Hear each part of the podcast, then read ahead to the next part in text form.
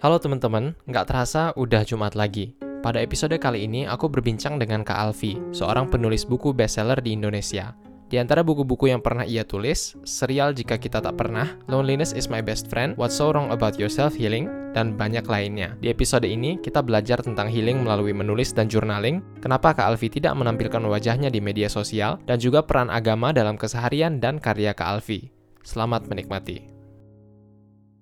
Teman-teman, ini pasti nih, aku nggak tahu, pastilah.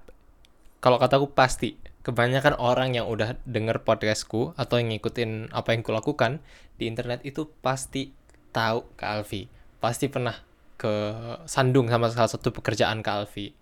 Sandung dalam artian bahasa Inggris stumble sama ketemu sama pekerjaan Kak Alfi. Nah mungkin uh, ini bagi teman-teman yang pertama kali dengerin podcast ini, perkenalkan nama aku Zahid. Biasanya aku di YouTube bikin video tentang hal-hal apa yang ku pelajari, eksperimen-eksperimenku tentang hidup lebih bahagia dan lebih ini lebih itulah gitu. Uh, dan uh, Kak Alfi ini salah satu orang yang dulu pas aku masih sekolah itu sering aku tonton atau aku konsumsi kontennya. Dulu pas aku SMA, SMA itu aku udah lulus tuh tahun 2020 jadi kayak dari tahun 2019-an gitu Kak Alfi udah ada buku pertamanya teman-temanku pada baca dari situ aku pertama kali tahu Kak Alfi. Fun fact nih Kak Alfi fun fact. Apa? Dulu aku per, eh, kayaknya ini udah pernah aku ceritain ke Kak Alfi waktu dulu kita ketemu ya. Coba dulu Kayaknya ada uh, seseorang yang sangat suka. Terus terus orang tersebut baca buku Kak Alfi. Terus ya udah kita berjalan ke jalan masing-masing. Eh, I see. tapi tapi sekarang pastinya di, di momen itu mungkin aku kayak aduh ini aduh tapi sekarang aku I udah alhamdulillah thank you Kak Alfi karena aku jadi eh, bukan hanya orang tersebut Terus- terus- yang terus di hilang ya? oh ya Sorry. jadi kayak bukan orang tersebut yang bukan hanya orang tersebut yang diarahkan ke jalan terbaik untuknya, tapi juga aku pada akhirnya merasa kayak sangat bersyukur dengan posisiku saat ini. Nah, dari cerita itu mungkin Kak Alfi bisa berikan perkenalan perkenalan juga kepada teman-teman kira-kira konten apa atau apa yang Kak Alfi lakukan. Ah, halo semuanya, salam kenal teman-teman audiens Zahid. Ah, namaku Alfi Syahrin. Mungkin kalau kamu pernah ke Gramedia, terus kamu lihat buku yang judulnya mungkin Insecurity, Loneliness, yang covernya tuh kayak langit biru, langit malam, atau buku Jika Kita Tak Pernah Jatuh Cinta, Jika Kita Tak Pernah Jadi Apa-apa. Jika Kita Tak Pernah Baik-Baik Saja, halo, ini aku Alfi. Tapi kalau kamu nggak pernah lihat itu semua, terus kamu pernah buka di Instagram mungkin atau di TikTok, terus lihat konten yang kayak, anggap aja ini kamu. Terus bla bla bla bla bla. Terus kamu wondering, so here's the thing. Nah, salam kenal, ini aku Alfi. Kak Alfi, tadi katanya udah nerbitin beberapa buku nih. Udah ada buku yang di Oke. Gramedia. Tadi temanya misalnya loneliness, insecurity, dan semacamnya. Itu gimana Kak Alfi bisa jatuh atau ujungnya, ujung-ujungnya menjadi penulis yang menuliskan tema-tema tersebut? Pertanyaanku, apakah itu dari pengalaman pribadi atau di mana titik di mana Kak Alfi berpikir kayaknya aku mau jadi penulis tentang ini? Oke. Zahid, ini aku harus jujur dulu ya. Ini aku deg-degan. Alasannya, soalnya aku tuh tipe orang yang harus prepare segala sesuatu. Jadi kalau mengisi acara, aku harus prepare ini, itu. Aku harus ngomongin apa yang, eh, aku harus prepare apa yang aku ngomongin ini. Tapi kan bener-bener kosong. Kita natural aja. Jadi ini aku jujur agak deg-degan. Aku butuh bilang ini untuk meminimalisir kegugupan aku dan menjawab pertanyaan Zahid tadi. Eh, gimana Zahid? Gimana? Sorry.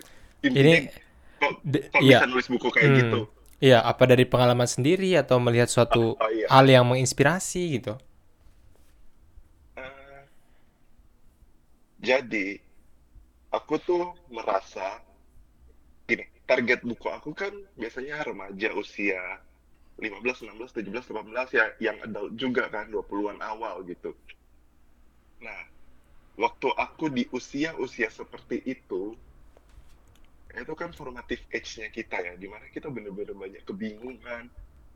Kadang kita curhat ke orang yang lebih dewasa, atau mungkin kayak ke orang tua, atau mungkin orang yang lebih dewasa, atau mungkin ke ya yang lebih senior. Dari kita pasti mereka bilang ya elah masalah gitu doang itu mah bakal kelewat kok. Gitu-gitu kan. Hmm. lu merasa nggak ada yang memahami kita? Waktu kita masih remaja dengan pemahaman pakai kacamata remaja atau dewasa muda gitu loh. Nggak ada yang bilang tentang kita, eh kalau aku insecure tentang good looking gimana ya?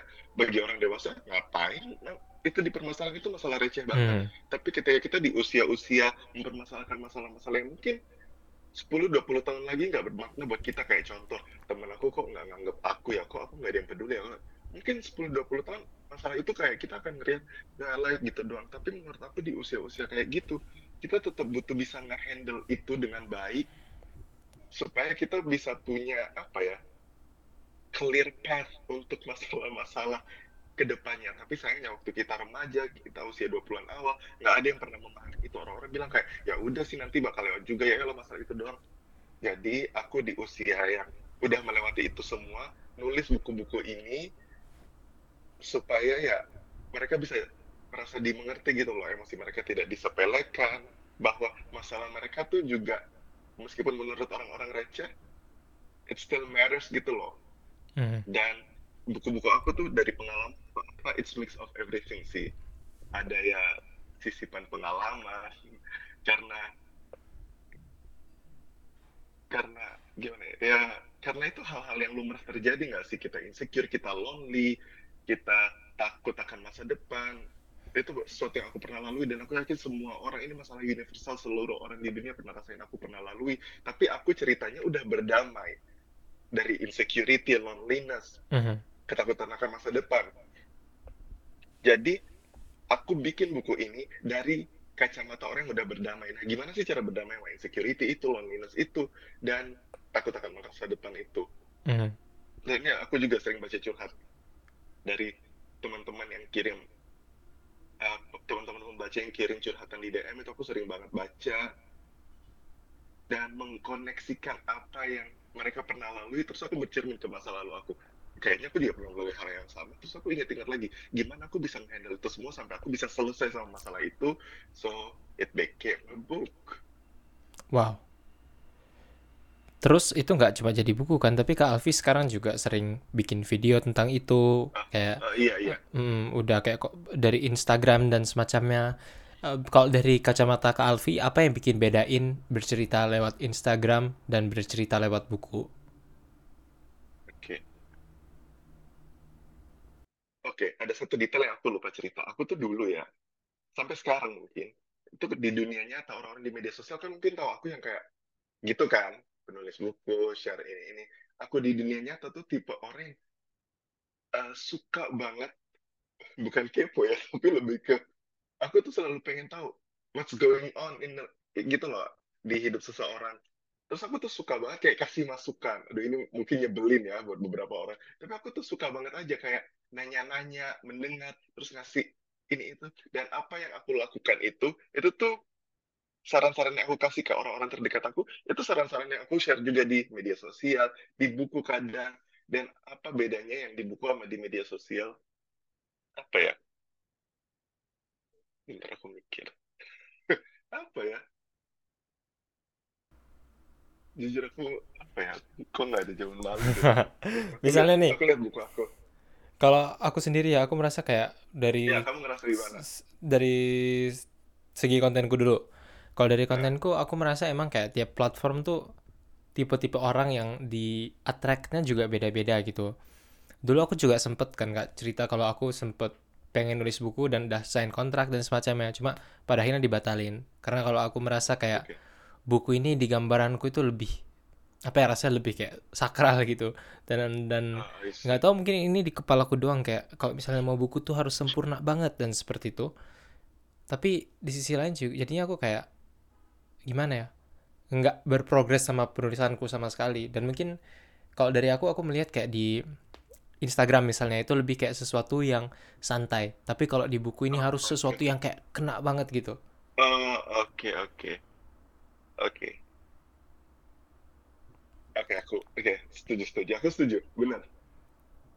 Kalau tapi kalau aku di media sosial kan aku mungkin pembawanya lebih santai gitu ya. Hmm.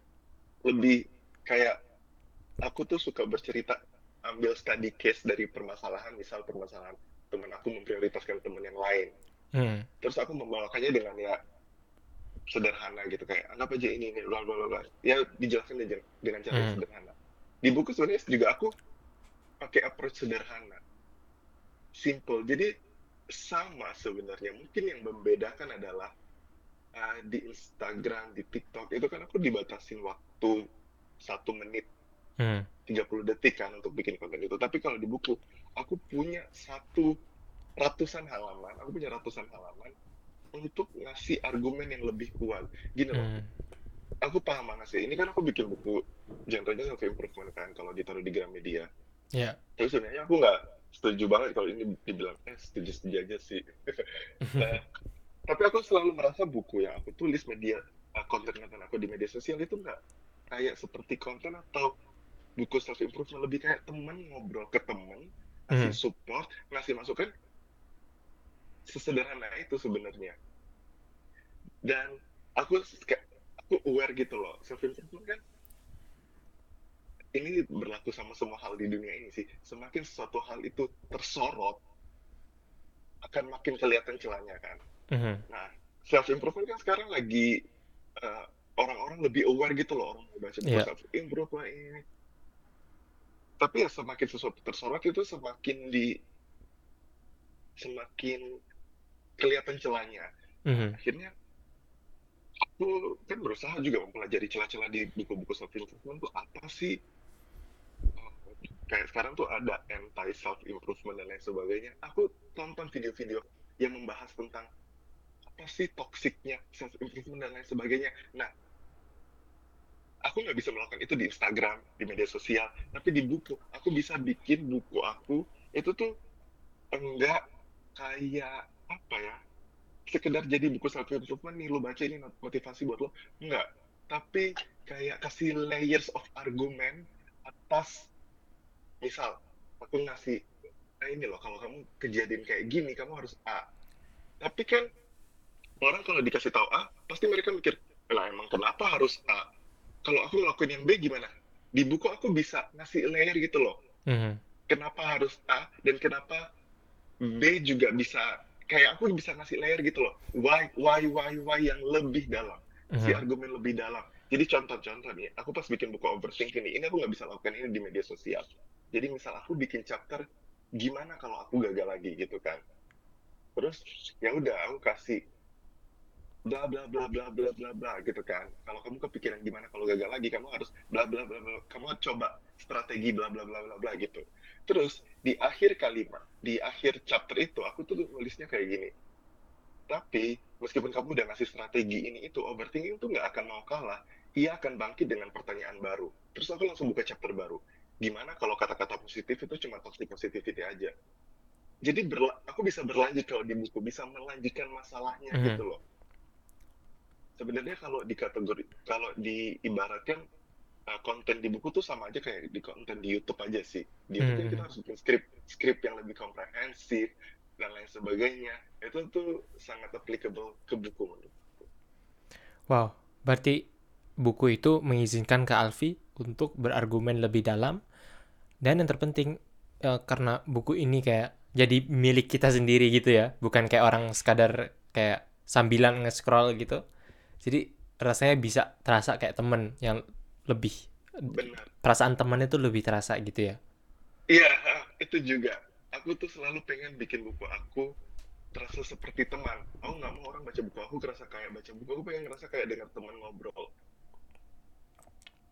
Itu bisa Hmm. lebih terjadi di buku. Mhm. Bisa membangun koneksi. Kayak kalau kita baca buku novel misal. Kita bisa ngerasain chemistry dari main karakternya Mhm. Orang-orang terdekat dia. Kita juga punya apa ya semacam koneksi juga sama main karakternya. Nah, aku nggak bisa melakukan itu di media sosial. Di media sosial ya satu konten selesai udah. Tapi kalau di buku kan aku bisa membangun koneksi itu Iya. gitu loh. Antara aku dan pembaca. Karakter utamanya pembaca, aku kayak the side itu loh temen yang best friend yang Mhm. jadi side karakter aja. Wow. Tapi itu Kak, terkait dengan berbicara atau pengen berkomunikasi selayaknya dengan teman. Satu hal yang menurutku menarik tentang Kak Alfi ini adalah sampai saat ini memutuskan untuk tidak menampilkan wajahnya di media sosial. Bahkan ini mungkin kalau teman-teman lihat nih, notice cover podcast ini, biasanya kan cover cover podcast itu ada akunya, ada orang satu lagi. Iya. Mungkin nih pikiranku nanti cover podcast ini bakal aku, sampingnya buku-buku Kak Alfi, atau ada siluetnya Kak Alfi gitu.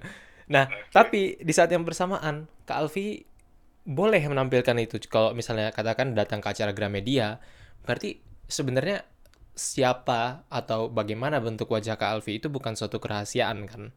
Tapi Iya, enggak. kenapa tetap milih untuk tidak menampilkan wajah di media sosial? Oke.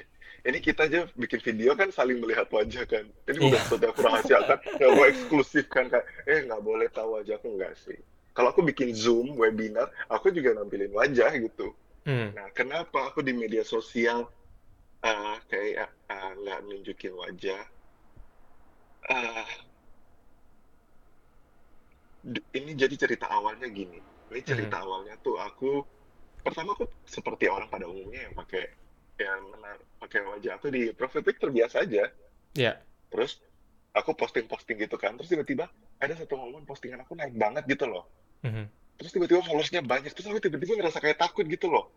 Mhm. Ih kok serem ya. Kenaikannya kayak bener-bener lumayan ini gitu loh. Aku tuh ngerasa nggak aman somehow. Terus aku langsung nggak tahu waktu itu aku langsung hapus foto apa enggak aku nggak inget. Tapi yang jelas aku langsung kepikiran kayak ganti profil picture aku, hapus foto-foto aku. Menurut aku mungkin kali ya, the idea of being popular is kind of scary for me gitu loh. Mhm. Menurut aku, mungkin aku yang terlalu berlebihan. Kayak mungkin Zahid kan biasa-biasa aja dan di dinding nyatanya juga nggak gimana-gimana kan. Tapi aku juga nggak tahu sih. Eh, eh, aku pengen jalan kaki keluar rumah atau pas aku lagi di mall atau pas aku lagi di mana aku nggak mau merasa dilihat lebay banget kayak terkenal banget tapi aku Aku aku merasa aku dilihat ngerti, aku ngerti kamu perasaannya. paham ya Ah, paham. iya kan Hmm. kayak misal aku lagi ya aku nggak mau merasa Pengen merasa aman gitu ya. iya aku pengen merasa aman aku pengen orang nggak tahu aku siapa gitu Hmm, it's jadi, just safe menurut aku aman aja jadi pengen kadang tulisannya tuh dikenal karena tulisannya, bukan karena Iya. orangnya gini gitu. Iya, bener. Dan menurut aku ketika kita pasang, ini aku ya, Zahid, Hmm, aku hmm. nggak against siapa yang masang ya silahkan. Tapi ini aku dan ketakutanku yang mungkin sedikit lebih berlebihan. Mhm. Aku tuh merasa kalau kita tuh posting eh, diri kita Iya. di media sosial, kita tuh semacam mengizinkan orang-orang bisa komen apa pun tentang apa yang kita share. Misalnya kita share tentang wajah kita, terus Iya. misal ada perubahan di wajah kita, mungkin kita lebih gemukan. Itu seolah-olah kita ngizinin orang-orang untuk komen, eh kak kayaknya gemukan deh, kak kok sekarang banyak jerawatnya kok iya, kayak gini-gini. Dan meskipun aku penulis buku insecurities bidang aku nggak bisa bohong. Mungkin kalau aku sering banget denger kayak gitu, kak kok banyak jerawat kok. Aku nggak jerawatan. ini dulu disclaimer dulu. Kak kok ini kok ini. Aku eh, aku bakal insecure juga kalau dibilang kayak gitu. Jadi aku nggak, aku meminimalisir hal-hal yang bisa mengganggu hidup aku lah. Mhm. Makanya aku juga nggak share personal life aku. Orang-orang nggak tahu apakah aku tinggal di mana, aku sudah menikah atau belum, apakah aku sudah punya anak atau belum. Orang-orang nggak tahu dan aku nggak mau mereka tahu sih. Hmm.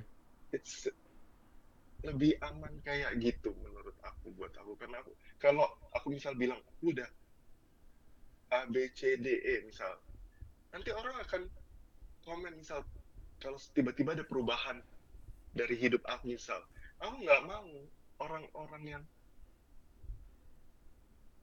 well aku pada dasarnya orang yang tertutup sih di, di dunia nyata. aku nggak suka orang tahu my vulnerability Hmm. mungkin itu aku kurang suka orang tahu apa yang bikin aku sedih apa yang Hmm.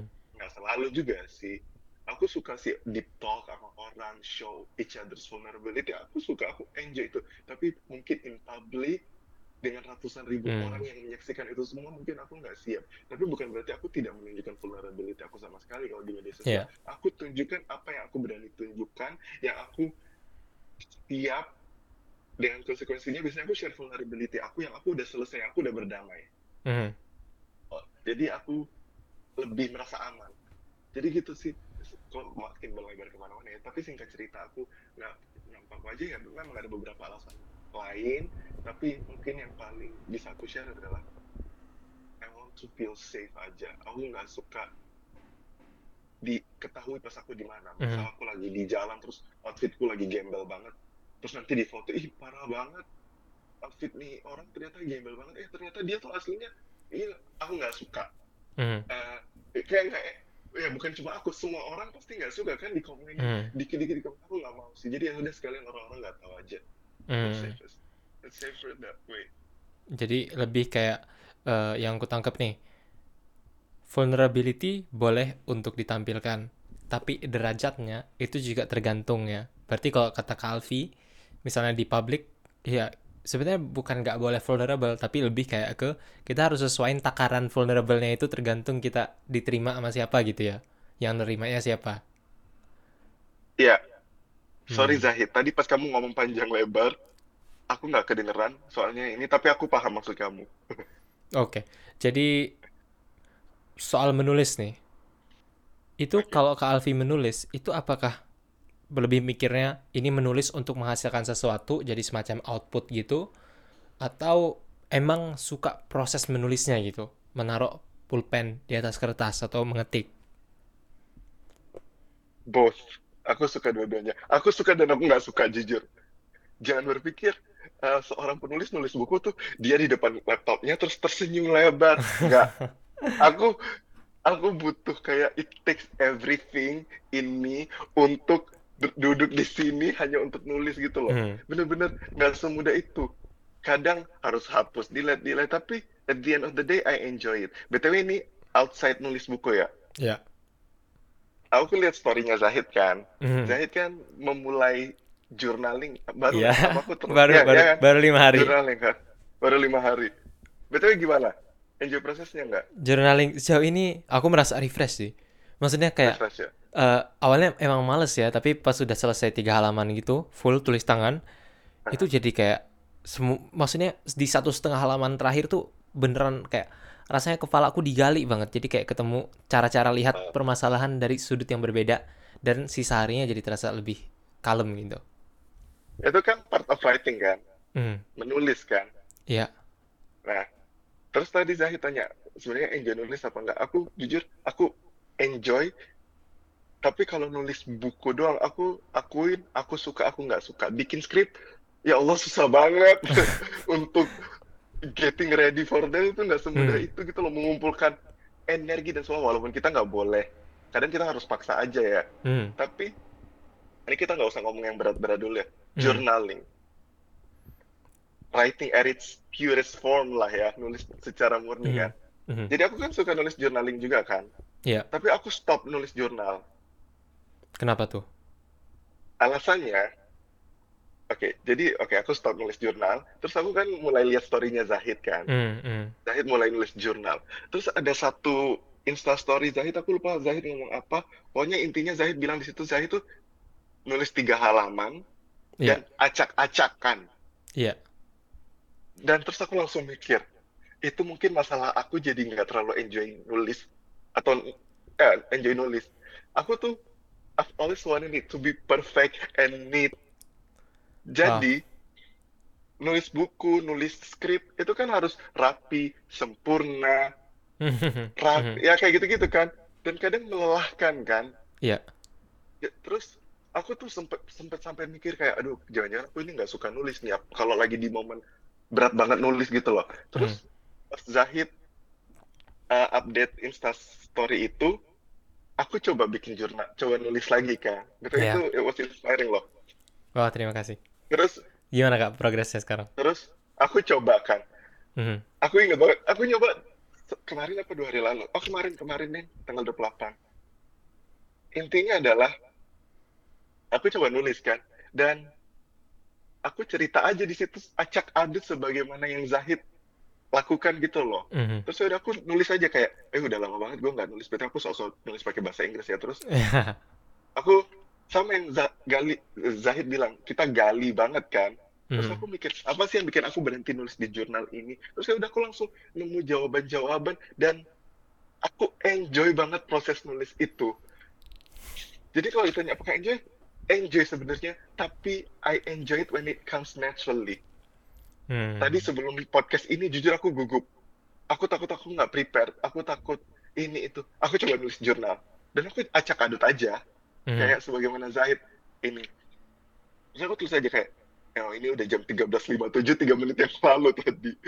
udah jam 13.57 dan aku ada podcast sama si Zahid dalam tiga menit dan aku tuh nervous banget soalnya aku tuh nggak siapin apa-apa soalnya aku sebagai seseorang perfeksionis aku ini punya ketakutan melakukan kesalahan dan lain sebagainya tapi bener yang kata Zahid bilang it's refreshing jadi kalau Hmm. ditanya do I like writing I do dan aku yakin orang-orang juga akan enjoy ketika mereka nggak dikasih aturan apa-apa oh bahkan aku kasih aturan sekarang di jurnal aku kemarin aku kasih aturan the Ya, rule betul. this time is no more rules aturan Wah. kali ini udah nggak ada lagi aturan soalnya aku tuh kalau nulis jurnal tuh harus yang rapi kayak gini and it's so Wah. tiring Iya, iya. it's so tiring jadi sekarang aku mau acak adat aja Hmm. nggak kayak gini lagi I see. Tapi emang sih, eh, aku lihat ke arah ke, Alfi ini emang jernih banget gitu pikirannya dan I hope itu kayak tendensi perfeksionis itu pasti di tiap orang ada takarannya yang beda-beda ya. Kalau dari penjelasan ke Alfi sendiri dari deskripsi ke Alfi, ke Alfi merasa bahwa dirinya adalah perfeksionis yang cukup akut. Tapi di saat yang bersamaan tetap juga bisa kayak memproduksi gitu. Maksudnya ada sesuatu yang bisa ditunjukkan untuk itu gitu. Kadang kan ada tipe perfeksionis yang kita perfeksionis iya, tapi benar emang banget sampai nggak bisa apa nggak lewat garis gitu. Kayak udah di situ aja ada penghalang temboknya itu. A- apa menurut Kak Alfi yang ngebedain Kak Alfi sama banyak orang yang stuck dalam perfeksionisme? Apa yang bisa menjadikan perfeksionisme itu tahu-tahu jadi kayak buku pertama terus beberapa buku lainnya? Eh, kalau aku gimana ya yang membedakan? Aku nggak tahu orang-orang kayak gimana kali ya. Hmm. tapi menurut aku aku mungkin sama kayak orang perfeksionis lainnya gitu loh. I've always wanted it to be perfect. Tapi kok bisa sampai nulis buku nulis sampai ini? Eh, jujur aku juga nggak tahu tapi aku pernah kasih saran sama salah satu pembaca Hmm. yang aku praktekkan buat hidup aku Wow. jadi dia dia tanya waktu itu aku ingat banget di mana ya waktu itu pokoknya di suatu kota terus pas minta tanda tangan dia tanya ke aku ini perfeksionis banget ya bro aku harus gimana ya terus aku ingat aku ngomong gini ke dia let it be messy aja let it be ugly ya udah jelek ya udah biarin berantakan aja biarin jelek aja Hmm. untuk melawan perfect sisi perfeksionis kita ya udah be the opposite of it gitu loh Hmm. bikin sisi perfeksionis kita kesel sama sisi kita yang messy but still made it gitu loh Hmm. dan itu yang berusaha aku praktekin pas nulis buku pas nulis buku aku berusaha ya udah let it be messy aja dulu dan aku selalu ngerasa ketika kita mulai dengan berantakan everything will come into place gitu loh everything will Mhm. fall into place pasti Hmm. bakal ketemu lagi kayak kayak istilahnya tuh kayak kita mau mulai main puzzle pasti berantakan pertama berantakan banget kan dan Hmm. pasti susah untuk figuring out everything pasti kita bingung kita mungkin masih buka satu-satu pasang lepas pasang lepas terus nanti baru kelama lama kelamaan baru bisa jadi puzzle-nya I Ya. think nulis juga kayak gitu semua hal kreatif kayak gitu aku rasa let it be messy aja di awal-awal nanti it's gonna come natural naturally menurut Mhm. aku Wow. jadi ngerasa nggak Ya, aku ngerasa. Dan mungkin tadi Calvin tadi berarti nulis 1357 ya. Podcast 1400. Berarti di 1357 itu Kak Alfi masih merasain kegugupan dan sisi perfeksionismenya Iya. itu. Tapi Iya. li- lima menit setelah Oh, iya. podcastnya dimulai Oh, iya. jadi gimana Kak? Masuk alhamdulillah ya oh iya iya Semuanya jadi lancar kan? biasa aja Jadi biasa aja. tadi- bener bener bener bener bener iya iya Hmm. bener ya Jadi katanya orang tuh tuh "Pak, gitu." Iya, iya gimana Kak? Gimana Kak? Aku masih coba. Aku masih dulu, aku mau bilang apa? Apa Oke, oh kalau dari aku, aku mau bilang kadang momen yang kita, momen tertakutnya itu sebelum kita lompatnya gitu. Misalnya kita di pinggir kolam renang, kita mau cebur. Paling takut itu pas sebelum Setuju. melepaskan kaki, tapi pas udah di, di Benar. udara. setuju aku setuju banget Hmm. setuju banget Tadi Kadang mau bilang apa Kak? aku lupa tapi ini aku ingat lanjutan apa yang aku mau bilang ke Zahid Oh iya, oke oke. Kadang kan ya perfectionist itu ad- kadang mungkin karena kita overthink mungkin karena kita cemas nggak bisa deliver oke tapi kadang kita seperti yang kata Zahid gitu loh takutnya pas kita di sisi kolam aja pas kita udah cebur ya it's not as scary as it looks kadang Mhm. di jadi kayak let it be messy udah jatuhin aja nggak seserem itu bener sih Oh iya. nggak bikin mati kok Eh, hmm. Aku juga ketemu Kak Alfi pertama kali gugup. Tapi pas Oh, udah mulai ngomong jadi biasa aja gitu. Jadi lebih santai. Setiap jadi sekarang tiap kali aku mau public speaking atau aku mau jawab, jawab, jawab pertanyaan di kelas, itu momen sebelum aku angkat tangan tuh pasti jantungku kayak dar, dar, dar, dar, dar, dar, oh iya Tapi pas langsung ku angkat aja, terus jadi kayak santai lagi semuanya. Pas public speaking, sebelum ngomong kayak deg deg deg deg, deg, pas aku sebutin kata pertama, semuanya jadi tenang lagi. Jadi kayaknya kita emang Iya bener sih. kak let it be messy ya. Iya, let it be messy. Dan iya sih, aku langsung keinget masa-masa kita SMA. Hmm. Kalau kita disuruh presentasi, betapa deg-degannya kita pas mau Iya. disuruh maju kan. Hmm. Ya, pas kita udah di depan ya udah biasa aja nggak sih? ya, menit-menit pertama memang deg-degan gemeteran, tapi ya udah lama-lama jadi lancar aja. Iya nggak sih? Dan Iya. aku juga keinget dulu-dulu aku, ya Allah, aku tuh tipe orang yang paling takut ngobrol di depan umum kan. Aduh, Hmm. kalau bisa nggak masuk di hari presentasi, aku milih nggak masuk deh. Setakut itu aku ngomong di depan umum. Hmm. nggak setalkative ini di depan umum sebenarnya. Sampai suatu ketika ketika aku jadi penulis otomatis aku harus ngomong di depan umum kan. Awal aku ngomong aku nggak tahu berapa orang, pokoknya aku ngomong di depan umum gila itu deg-degannya kayak, ya aku bener-bener takut banget. Tapi pas dijalanin, kok enjoy ya, kok seru ya, nggak seseru itu. Dan sekarang aku aku yang mungkin kalau aku bilang ke aku yang dulu yang takut banget ngomong di depan aku tuh pengen bilang ke aku yang dulu, eh nanti kamu tuh ya akan ada satu masa di hidup kamu di Jogja itu tuh ada seribuan dua ribuan orang yang datang di acara kamu terus kamu biasa aja ngomongnya nggak gugup sama sekali. Eh gugup sih tapi nggak segugup pas masih presentasi dulu. Jadi hal-hal yang kita takutin kadang nggak seserem itu sih dan kadang kita emang butuh ceburin kita, diri kita ke yang bikin kita takut selagi itu Hmm. nggak bikin kita mati ya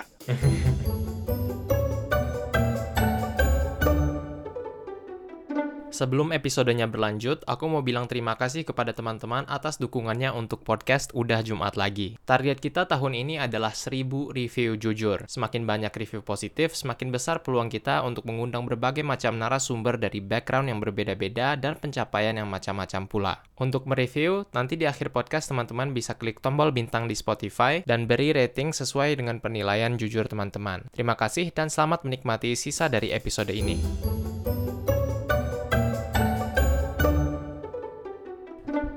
Kak Alfi, salah satu yang menurutku ngebedain buku Kak Alfi dan buku lainnya adalah di buku Kak Alfi itu banyak kutipan-kutipan atau banyak referensi-referensi agama terkhusus Islamnya. Hmm. Dan Kak Alfi juga pernah cerita ke aku kalau kadang-kadang pas Kak Alfi baca review buku itu ada orang yang ngekritik itu. Ah, ah, ah. Itu Kak Alfi manage-nya gimana sih? Maksudnya kayak kan tiap orang pasti punya ekspektasi beda-beda sama buku kan dan seperti itu. Kak Alfi misalnya pertama mungkin pertanyaanku kita bisa mulai dari sini dulu. Kenapa Kak Alfi memilih untuk mereferensikan hal-hal dari agama? Oke.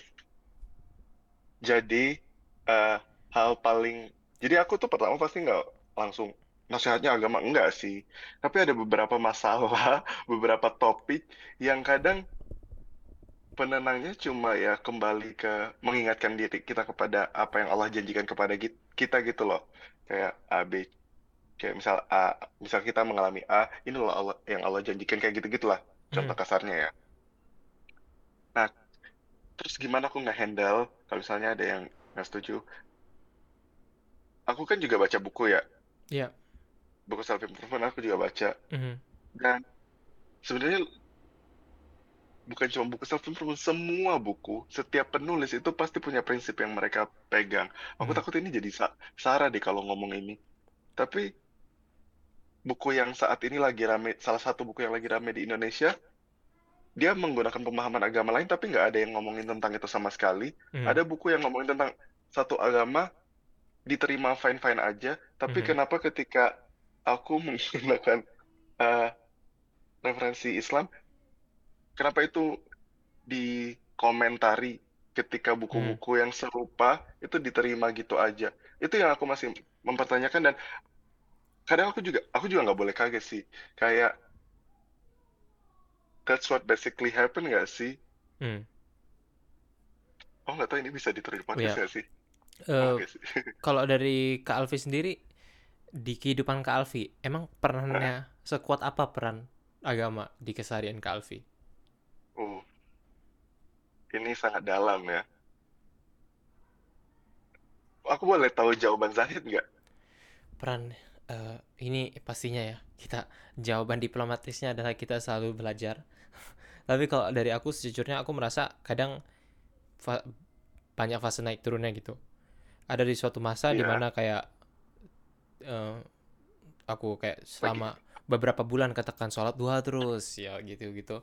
Terus ada kayak suatu suatu masa aku ngaji terus ada. Tapi ada juga kayak fase-fase di hidupku di mana aku mikir kayak ya apa sih aku nggak kepikiran itu sama sekali gitu. Jadi kayak kadang thought prosesnya itu adalah oh nanti aku ada kelas nih ada PR mending aku ngerjain PR daripada kayak dua gitu. Menurutku di titik itu aku mikir kayak ini nggak terlalu ini bukan prioritas saat ini. Tapi di, sis- iya. di saat-saat lain itu jadi kayak prioritasku gitu. Jadi dia pertama naik turun kalau buatku. Dan yang kedua ini bukan advice agama ya. Dan pastinya makanya aku jarang kayak kalau alasanku jarang ngutipin kon- apa kayak agama di channel dan di video-videoku. Itu yang pertama ya memang karena aku pengen coba seinklusif mungkin. Yang kedua juga pasti aku ada ng- ngutip tapi semakin hari aku semakin berkurang karena aku merasa kayak ini semakin ini aku bilang kayak gini akunya sendiri kayak gini gitu. Jadi kayak I see. ada disconnectnya gitu. Jadi aku penasaran nih kalau Kak Alfi di keseharian kesehariannya sep- sepenting apa agama itu? Karena Iya. kalau dari aku baca buku Kak Alfi itu rasanya kayak ini adalah salah satu value yang nilai yang nggak apa kayak itu udah dipegang genggam erat sama sekali jadi kayak banyak cara Oke. pandang yang diberikan itu juga terpengaruhi oleh itu. Oke. Oh iya. Eh, karena aku pakai referensi Islam itu bukan berarti buku aku aku eksklusifkan buat orang Islam enggak ya. Hmm. Aku desain gimana caranya ini tuh tetap terasa inklusif ke semua pihak. Aku Mhm. banyak kok pembaca-pembaca yang bukan dari agama yang sama dengan aku, tapi mereka very accepting. Aku ingat banget waktu itu aku isi acara di Depok, terus Mhm. ada satu orang angkat tangan, terus aku udah deg-degan, aduh dia bakal tanya apa nih. Terus dia nanya tentang, Kak sebenarnya aku ini non-muslim. Terus aku baca buku kakak. Tapi kok aku maksudnya bisa relate gitu loh. Tapi sebenarnya buku ini buat orang seperti aku nggak sih? Terus aku ya bilang, ya buku aku ya buat semua. Gini, orang-orang ketika ketika aku bilang referensi Islam, mereka langsung mikir, oh ini begini-begini. Enggak, sebenarnya Hmm. aku pakai se, se aku nggak se-eksklusif itu, aku se-inklusif kayak gini nih. Aku, Zahid, orang apa pun agamanya, apa pun rasnya, kita kan pasti diciptakan oleh satu Tuhan yang sama kan. Kalau kita diciptakan oleh Tuhan-Tuhan yang berbeda, pasti kita punya karakteristik yang berbeda-beda kan sih? Hmm. Kan kita diciptakan satu Tuhan yang sama. Ya udah aku refernya ke situ aja. Ke satu Tuhan yang sama menciptakan kita, yang menciptakan awan, langit, semua pencipta alam semesta lah. Tuhan pencipta alam semesta. Ketika Hmm. aku ngomong Allah misalkan, maksud aku adalah Tuhan pencipta alam semesta, Tuhan yang maha, ya itulah. Terus sepenting apa agama di hidup aku? Aku sebenarnya sama kayak orang pada umumnya. Hanya karena aku nulis agama bukan berarti aku orang yang religius gitu-gitu. Enggak sih, aku sama yang sama kayak yang Zahid rasakan aku ada fase naik turunnya dan menurut aku itu fase yang normal juga loh. Aduh, aku takut salah bicara lagi. Nggak, Mhm. tapi be- beneran, memang dalam hidup kita tuh ada momen iman kita naik, ada yang turun. Dan kayak misalnya dalam kasus Zahid tuh kayak memprioritaskan tugas daripada sholat duha. Tapi kan yang lebih wajib saat itu mungkin tugasnya Zahid. Bukan berarti itu turun. Allah alam, aku nggak tahu, nggak bisa ngejudge Hmm. ya. Tapi eh, kadang kita ngelihat agama tuh sebagai sesuatu yang hitam dan putih gitu loh. Hmm. Kadang kita melihat orang yang eh, paham agama, kalau menurut aku ya orang kalau paham agama benar, mereka nggak melihat segala sesuatu sehitam putih itu sih. Hmm. Mereka benar-benar yang melihat lebih mendalam gitu loh. Nggak, nggak, nggak yang, oh itu salah total fix orang misal nih si A melakukan dosa Mhm. gitu. Ya. Kita langsung oh si A parah dia dicap pendosa. Tapi kalau kita benar-benar paham agama harusnya nggak sehitam putih itu sih. Hmm. Ya dosanya ya salah, tapi ya orangnya masih punya kesempatan untuk minta ampun, untuk memperbaiki diri. Jadi kalau ditanya apakah agak se-value apa agama di aku, aku harus jujur ya, it's one of the most important, bukan one, the most important thing in my life. Hmm. Tapi aku, tapi ya apa ya, orang tuh sering, kalau kita ngomongin agama tuh orang tuh melihatnya hitam putih. Dan Ya, aku ya, nggak ya, ya, ya. setuju orang yang melihat hitam putih yang cuma lihat permukaannya doang gitu loh. Kayak aku senang, aku bersyukur, aku dikelilingi sama orang-orang yang mengajari aku bahwa contoh sederhana, kita tuh nggak bisa ngejudge orang masuk surga atau neraka. Meskipun dia tuh melakukan dosa A, B, C, D, E gitu, kita tuh bener-bener nggak tahu ujungnya dia tuh masuk surga atau neraka, kita nggak bisa bilang itu. Kita Hmm. nggak tahu, mungkin dia minta taubat sama Allah di setiap malam pas kita nggak lihat. Atau mungkin Allah ternyata mengampuni dia atas satu amalan yang kita nggak tahu. Kita tuh nggak pernah bener-bener tahu, kita juga nggak bisa merasa aman kalau kita melakukan kebaikan A, B, C, D, E, F, G, H, I, J, sampai Z. Kita juga nggak bisa bilang, oh dia ini pasti masuk surga. Kita tuh nggak pernah bener-bener tahu. Dan menurut aku itu sih yang bikin itu jadi nggak sehitam putih, itu jadi nggak ngejudge orang. Dan ini aku dapatin ya, beberapa Hmm. orang tuh kadang ngelihat orang yang paham agama tuh seolah yang gampang menghakimi orang. Tapi menurut aku orang kalau bener-bener paham sesuatu, mereka nggak gampang menghakimi sesuatu. Sama kayak Hmm. eh, ilmu apa pun sih. Semakin kita paham, semakin kita con- contoh kayak apa ya? Misal science deh, misal Iya, research. iya. Semakin kita sering research sesuatu, kita tuh nggak akan semakin bermudah-mudah. Oh, karena A pasti kesimpulannya begini. Iya, Enggak, iya. kita pasti, oh kita harus lihat ininya dulu nih. Kita harus lihat ininya dulu nih. Hmm. Menurut aku agama ya seperti ilmu, ya ilmu. Agama adalah ilmu kan, seperti Hmm. ilmu-ilmu pada umumnya.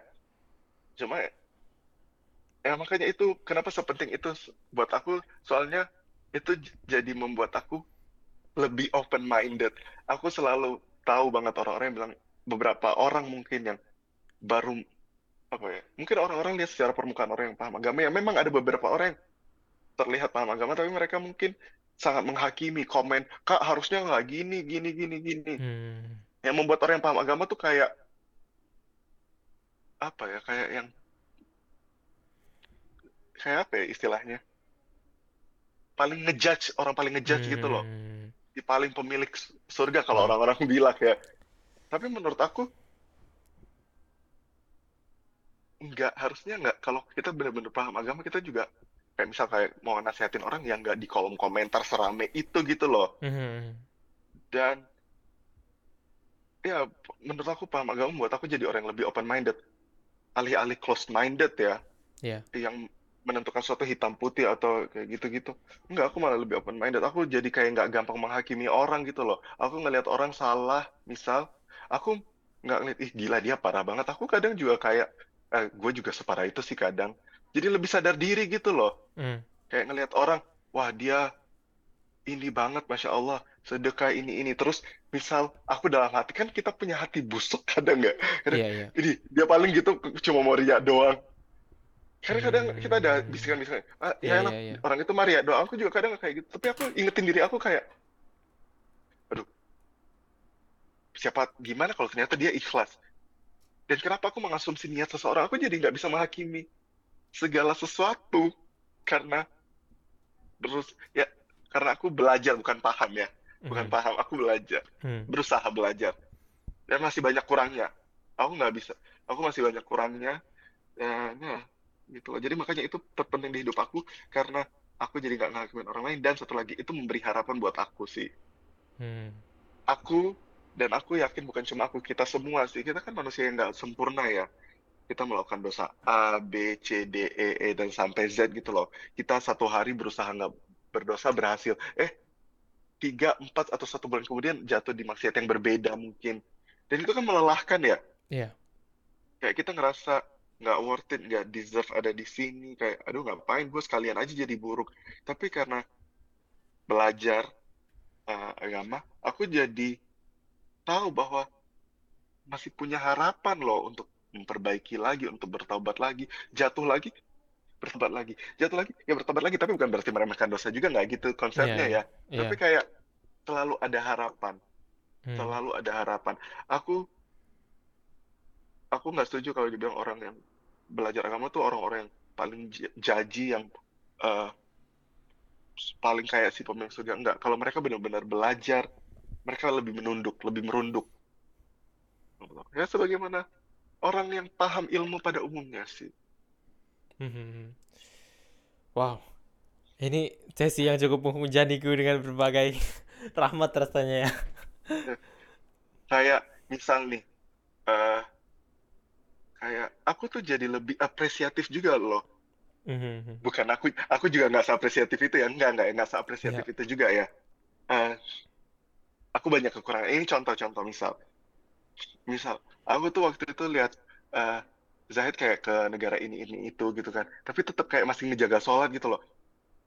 Mungkin aku nggak paham agama aku mungkin dalam hati ya elah ngapain lu ngomongin tentang ini? Itu mah lu sama Tuhan lu doang lu kayak riak banget dia mau share kayak gituan tapi kan aku paham agama aku langsung kayak ih masya Allah loh dia bener-bener berusaha menjaga gitu loh apa yang jadi kewajiban dia aku jadi lebih mengapresiasi amalan baik seseorang gitu loh dan kalau seseorang melakukan kesalahan A, B, C, aku tuh berusaha mencari celah untuk memaafkan.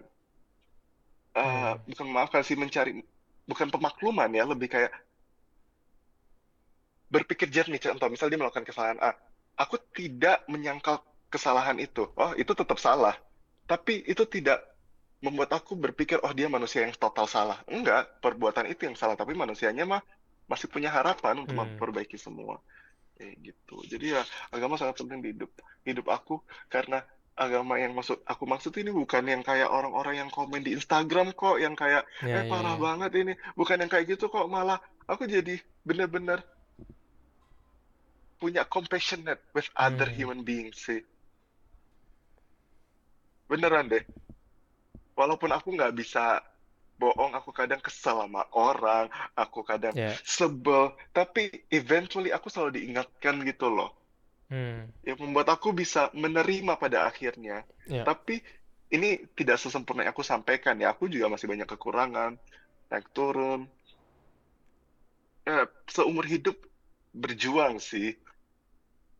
Wah, Kak Alfi, kita udah tahu Hah? nih gimana tadi Kak Alfi terjun ke dunia menulis tulisan buku pertama Mm-mm. kali, menghadapi fans-fans secara langsung, em, pembaca secara langsung, dan juga kita udah tahu salah satu hal yang sangat mempengaruhi kehidupan dan eventually juga pada akhirnya mempengaruhi buku dan tulisan Kak Ya. Alfi juga. Ya. Zahid, Sekarang, aku boleh bilang sesuatu nggak? ya, Sorry. Gak apa-apa ya. hmm, Zahid, jujur. Aku sebelum kamu chat aku, hmm, aku ngelihat TikTok kamu kan. Aku lihat video yang kamu tuh berbaring di salju, lari-lari di bawah salju. Terus aku oh, ngelihatnya kayak, oh, what a dream gitu loh. Fakta bahwa kamu ke London, kamu ketemu Ali Abdal, you you're living a dream gitu loh menurut dari kacamata aku. amin. Masya Allah, Alhamdulillah. Aku senang ngelihatnya jujur. Mungkin kalau aku nggak memegang, maksudnya agama sebagai value penting di hidup aku, mungkin aku bitter about it. Karena Ya, aku nggak bisa aku bisa paham. sampai ke situ.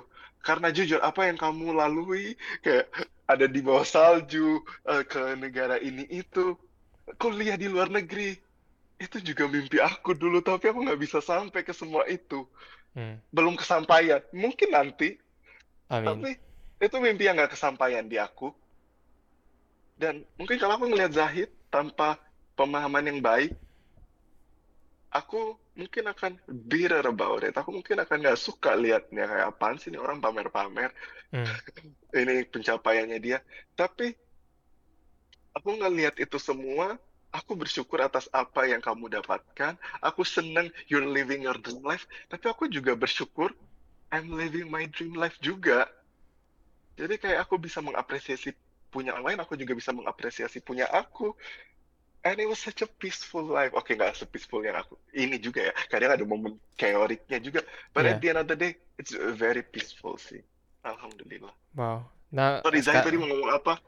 Enggak, tadi karena Lupa sekarang ya. Kak, Kak Alvida bilang itu, ini juga salah satu nih shift yang menurutku ter- tergede yang membuatku jauh lebih bahagia dan kayak justru mendatangkan berbagai macam opportunities buatku lagi ke depannya. Yaitu tadi Apa Kak, tuh? yang bisa kita ngelihat kita tuh emang beneran merasa seneng ketika orang lain terus kayak mendapatkan eh, kebahagiaan atau impiannya gitu. Jadi kayak kalau dulu aku mikir kalau dia dapet pasti aku nggak dapet. Maksudnya kita aku mikir kalau dia menang aku pasti harus kalah gitu. Tapi sekarang aku sadar bahwa kalau secara umum di dunia ini kita kalau misalnya ada orang lain yang semakin berhasil, kita juga juga jadi ik- ikut keangkat gitu. Benar. Kalau ngomonginnya lebih ribetnya lagi, katakan di suatu negara ada mungkin kita kesel sama orang-orang kayak pebisnis-pebisnis yang atau te- teman kita yang pengusaha-pengusaha kok udah bisa Ah, dapat uang di umurnya yang sekarang. Tapi mungkin mereka juga meningkatkan kayak eh, apa misalnya pendapatan karyawannya dan semacamnya. Jadi benar. lingkungan kita juga jadi semakin maju. Nah gitu. Eh, sekarang aku Iya. mau nanya nih terakhir.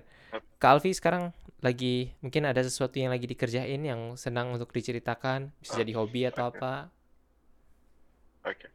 Eh, BTW sebelum aku jawab itu ada sesuatu yang aku pengen nyampein juga, Boleh, boleh, boleh, boleh. Sorry. Aku pernah dengar eh, di research psikologi gitu, Hmm.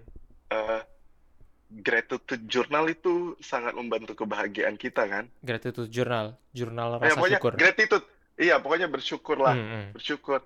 Itu salah satu level supaya kita bisa accepting. Kan kalau kita lebih mendalami belajar psikologi, betul aku nggak mendalami ya, tapi aku sering dengar dari teman aku yang lulusan psikologi, Ya, untuk menghandle suatu masalah, bukan menghandle sih, eh, bukan menghandle apa ya, Eh, untuk menghadapi suatu masalah, kadang kita tuh nggak bisa A, B, C, D, E. Kadang kita harus sederhana menerima. Dan aku sangat bisa lebih mudah menerima ketika aku menjadikan agama sebagai value aku. Aku kalau ingat kegagalan-kegagalan aku dulu, aku hmm. mungkin sedih. Tapi karena aku menempatkan agama, aduh aku nggak enak banget. Tapi sebagai value aku, aku jadi kayak bisa mensyukuri kegagalan itu gitu loh. Aku jadi bisa mensyukuri kegagalan kayak gitu. Oke, apa yang lagi aku kerjakan sekarang? Sorry ya, aku potong aku tiba-tiba kepikiran aja. Kalau mau dipotong itu silahkan nggak apa-apa kalau mengganggu Lanjut, lanjut, flow-nya. silakan, silakan. Oke, nggak apa-apa ya. Oke, Hmm.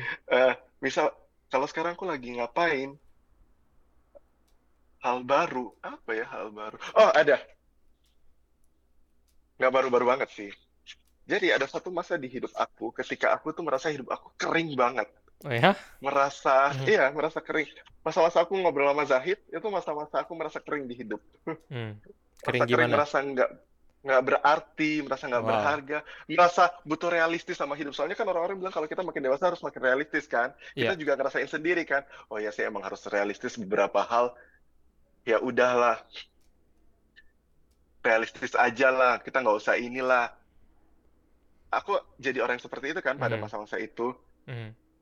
Dan jujur itu menjadikan hidup aku kering. Aku ingat banget aku yang anak-anak, aku yang remaja itu tuh yang mimpinya tinggi jadi iya, penulis. iya. Ini, ini, ini. Tapi semakin dewasa aku tuh jadi meminimalisir mimpi aku karena aku nggak mau kecewa lagi. Terus ada satu mo- momen di hidup aku tahun 2021 sih. Hmm. Aku nggak tahu pernah cerita ini nggak ya ke Zahid. Tiba-tiba aku kepikiran gini. Kenapa ya aku terlalu realistis sama hidup? Kenapa aku harus realistis sama hidup? Gimana kalau aku nggak realistis aja? Iya. Terus at that moment itu kayak langsung life changing gitu loh. Aku Wow. langsung menuliskan mimpi-mimpi di depan komputer aku ini. Aku lagi Iya. posting, eh posting, eh, Hmm. tempelin mimpi-mimpi aku yang nggak masuk akal. Sebenarnya aku pengen bilang ke Zahid tapi aku nggak mau ini ada di podcast. Oh iya, nanti, nanti. Nanti Nanti, aja ya. nanti, nanti aja. Biar gampang ya. Nah, Iya. ada satu, ini benar-benar mimpi yang nggak masuk akal Zahid. Satu ini nih, ini mimpi yang nggak masuk akal, Waduh. tapi nggak realistis, Iya. but it happened. Aku bener-bener sampai hari ini tuh masih, ih, masih mau nangis jujur kalau aku inget-inget itu. Dan kadang kita tuh jangan terlalu realistis sama hidup. Mungkin itu hal yang baru di hidup aku. Hmm. Berusaha nggak realistis lagi sama hidup. Terus akhirnya aku di jurnal aku, eh, ini aku nggak bisa liatin di podcast, tapi aku bisa lihat di Zahid. Aku sok-sok bikin visual aja kayak Iya. top 5 daily dreams aku. Jadi aku sekarang Wow. biar semangat menjalani hari, aku punya top 5 daily dreams gitu loh. Hmm. Mimpi, eh apa? 5 mimpi harian yang harus aku lakukan setiap hari. Misal contoh baca buku at- atau bikin konten atau nulis, terus ini eh, sholat lima waktu ya. Itu aku taruh. Wajib. Pokoknya aku taruh, pokoknya lima, lima top 5 daily dreams aku lah. Aku malu kalau sampein di podcast. Terus kayak hit the gym early in the morning, tapi sering Wais. gagal. tapi sering gagal. Oh. Aku tapi punya top 5 daily dreams, jadi hidup aku lebih punya arah gitu loh. Hmm. Dan top 5 daily dreams ini, itu tuh selalu aku bawa dalam doa juga. Ya Allah mudahkan aku untuk ini, ini, ini, ini. Tapi top 5 daily dreams aja nggak cukup. Harus punya ultimate dreams-nya juga. 5 daily dreams ini, itu mau dibawa ke mana sih? Jadi ini kayak mimpi-mimpi kecil yang aku harus lakukan tiap hari untuk sampai ke mimpi aku yang besar banget. So, ya, aku jadi sekarang udah menjalani hidup nggak realistis lagi. Bukan nggak realistis yang nggak masuk akal. Kayak pengen tiba-tiba punya sayap bisa terbang nggak yang nggak Iya. serealistis itu ya Rea- nggak realistis yang masih masuk akal untuk terjadi tapi kayak nggak Hmm. masuk akal di nalar kita Iya. sekarang aku pikirannya kayak aku nggak mau realistis aku mau punya Hmm. mimpi yang nggak realistis aku ngelihat Zahid eh, lari di bawah salju aku akan ngerasa eh kayak gitu gitu lah aku Iya, bakal iya. ngelihat aurora aku bakal yang I have a lot of unrealistic dreams now Hmm. dan ya itu menakutkan jujur takut kalau nggak kesampaian kecewa kalau nggak disampaikan tapi Hmm. bodoh amat let me get hurt let me be disappointed kalau nggak Hmm. kesampaian biar aku juga dewasa dan mungkin menemukan mimpi-mimpi lain sebagaimana dulu aku punya mimpi masuk PTN mimpi kerja di sini tapi nggak Iya, iya. kesampaian tapi it leads me to other things a better Benar, thing bahkan itu dia benar sekali. ya kan Iya iya. iya iya. at least punya Hmm. something to chase kalaupun nggak sampai situ kita Benar bakal benar sampai di benar tempat benar. yang lain benar. Iya iya. Ini salah satu kontenku nih yang terakhir kak. Itu ada kayak aku bicarain soal pentingnya kayak ngambil resiko dan kita nggak tahu kalau mungkin kalau kita liatin statistik, oh misalnya yang lolos perguruan tinggi ini cuma 10%. Kita selalu mikir, aduh kita bakal 90% nih. Tapi pertanyaannya gimana kalau kita itu bisa jadi yang 10%? Kalau di kasus aku yes ya, pasti gagal kita tuh pasti ada kan. Jadi kayak misalnya aku perguruan tinggi 1 2 3 gagal gagal gagal semua. Akhirnya udah masuk juga, akhirnya ternyata jurusannya nggak cocok. Terus di situ aku dihadapin iya lagi sama rasio sukses tadi. Aku ini kalau orang yang perguruan out dari perguruan tingginya seberapa mungkin dia jadi kayak berhasil gitu. Katanya di univku yang dulu itu orangnya pastilah jadi orang jadi gitu, apalagi di Indonesia. Nah, itu pe- peluangku kalau misalnya aku stay itu lebih gede ke sana. Tapi oke kenyataannya aku harus kayak melawan statistik, ngambil resiko. Dan ternyata setelah aku kayak berani di situ, baru aku sadar bahwa kayak ya emang ada statistik dan semacamnya dan memang pasti kita ada gagal-gagalnya, tapi bener gimana kalau kali ini kita masuk kayak yang tadi itu yang untungnya kita itu di situ itu loh. Kayak rezekinya Eh, mungkin kalau gitu iya ya. kayak aku ngelihatnya Zahid nih lagi mengambil jalur yang jarang orang lalui dan menurut kadang kita akan lebih mudah tanda kutip ya sukses ketika kita ngambil jalur yang jarang orang lalui karena itu nggak padat. Iya. Iya. Dan ya sih? yang terpenting bagiku adalah aku jadi nggak peduli apa? orang maksudnya kadang kan sukses kita tuh terdefinisi sama si ini pendapat apa. Ini ah. dia bakal mikir kayak gimana kalau aku kayak ah. gini. Aku nih bakal downgrade nih universitasku. Itu worth it nggak nanti kalau ketemu ah. temen atau siapa kerabat gitu terus jadi harus bilang kamu kuliah di mana? Aku di sini. Oh itu di mana ya worth it nggak aku menghadapi kayak gitu? Pada akhirnya setelah aku melakukan semua itu dan kayak Kalvi bilang milih jalan yang jarang dilalui orang lain opportunitiesnya jadi lebih banyak jatuh ke aku. Yang pertama yang kedua Masya juga aku jadi enggak peduli sama maksudnya yes. agak kalau dulu aku mikirin ini bakal ngomong kayak gimana bakal ngomong kayak gimana sekarang aku jadi lebih fok bisa fokus ke aksinya gitu ngerjainnya daripada mikirin sini ngomong apa. Wow. Bener. Alhamdulillah iya kayak ya gitulah. Kayak kita resiko ah udah gitulah. Aku nggak kepik belum bisa memikirkan kalimat yang tepat untuk merespons itu tapi it's nice ngedengar Zahid akhirnya bisa nggak peduli dan fokus sama apa yang Zahid lakukan. Dan wah lihat Zahid apa ya reaching a lot of things at such a young age gitu loh. Alhamdulillah Masya Allah Alhamdulillah Baiklah Kak Alfi, aku sangat berterima kasih atas waktunya Kak Alfi. Banyak banget sama-sama belajar dari sesi Zahid kali ini.